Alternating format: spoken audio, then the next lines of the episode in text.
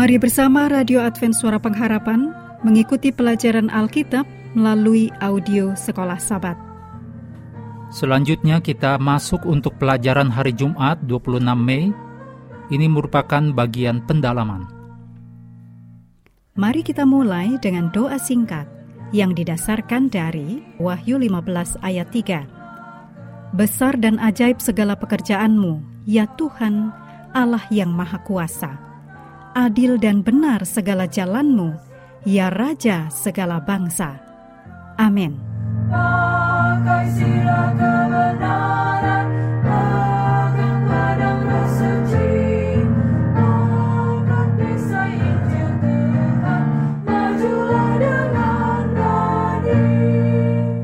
Berikut ini kutipan dari Alfa dan Omega jilid 8, halaman 401.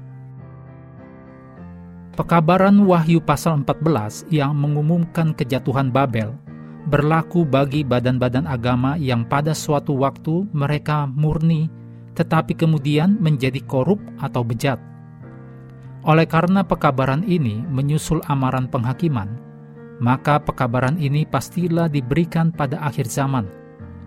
Jadi, tidak hanya dimaksudkan kepada gereja Roma saja, karena gereja tersebut sudah berada dalam keadaan jatuh selama berabad-abad.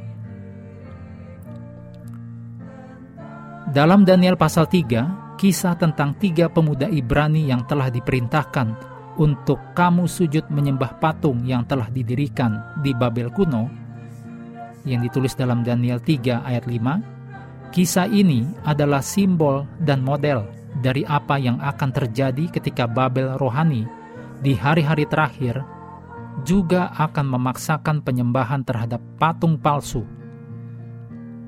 Demikian ditulis dalam Wahyu 13 ayat 15, Wahyu 14 ayat 9 dan 11, Wahyu 16 ayat 2, Wahyu 19 ayat 20, dan Wahyu 20 ayat 4. Betapa menariknya bahwa perintah yang dimaksudkan agar dilanggar oleh ketiga pemuda Ibrani tersebut adalah perintah kedua dari sepuluh hukum. Dituliskan dalam keluaran 20 ayat 4 dan 5. Perintah ini merupakan salah satu dari dua perintah yang telah dirusak oleh kekuasaan ini. Diberitahukan di ayat lain, kekuasaan ini berusaha untuk mengubah waktu dan hukum dalam Daniel 7 ayat 25.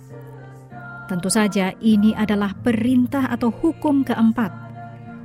Seperti yang telah kita lihat dan akan kita lihat lagi, perintah atau hukum keempat terletak di jantung seluruh pertanyaan penyembahan dan akan menjadi pusat dalam krisis terakhir ketika kita menghadapi pertanyaan, apakah kita akan menyembah Dia yang menjadikan langit dan bumi, laut, dan semua yang ada di dalamnya, dan berhenti pada hari ketujuh, seperti yang dituliskan dalam Keluaran 20 ayat 11, juga Wahyu 14 ayat 7. Atau kita menyembah binatang dan patungnya. Berikut ini hal-hal untuk diskusi. Yang pertama, hubungan apakah yang dimiliki Menara Babel dengan Babel rohani modern? Diskusikan apa persamaan di antara keduanya. Yang kedua, bagaimanakah Anda menyelaraskan dua ide yang berlawanan?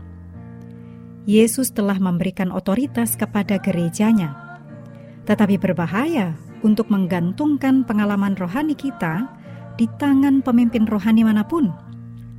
Diskusikan apa batasan otoritas gereja. Yang ketiga, bagaimana kita bisa belajar bahwa penyembahan berhala sebagai salah satu dosa Babel, tidak hanya sujud pada patung. Diskusikan dengan cara apakah bahkan Protestan bisa jatuh ke dalam penyembahan berhala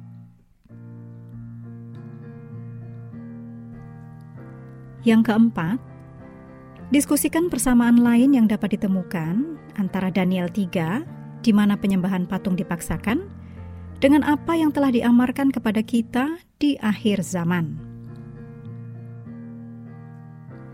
Mengakhiri pelajaran hari ini, mari kembali ke ayat hafalan dalam Wahyu 17 ayat 14. Mereka akan berperang melawan anak domba, tetapi anak domba akan mengalahkan mereka, karena ia adalah Tuan di atas segala tuan dan Raja di atas segala raja. Mereka bersama-sama dengan Dia juga akan menang, yaitu mereka yang terpanggil, yang dipilih, dan yang setia. Kami terus mendorong Anda mengambil waktu bersekutu dengan Tuhan setiap hari bersama dengan seluruh anggota keluarga, baik melalui renungan harian, pelajaran sekolah sahabat, juga bacaan Alkitab sedunia, percayalah kepada nabi-nabinya, yang untuk hari ini melanjutkan dari Mazmur 20. Tuhan memberkati kita semua. Sudah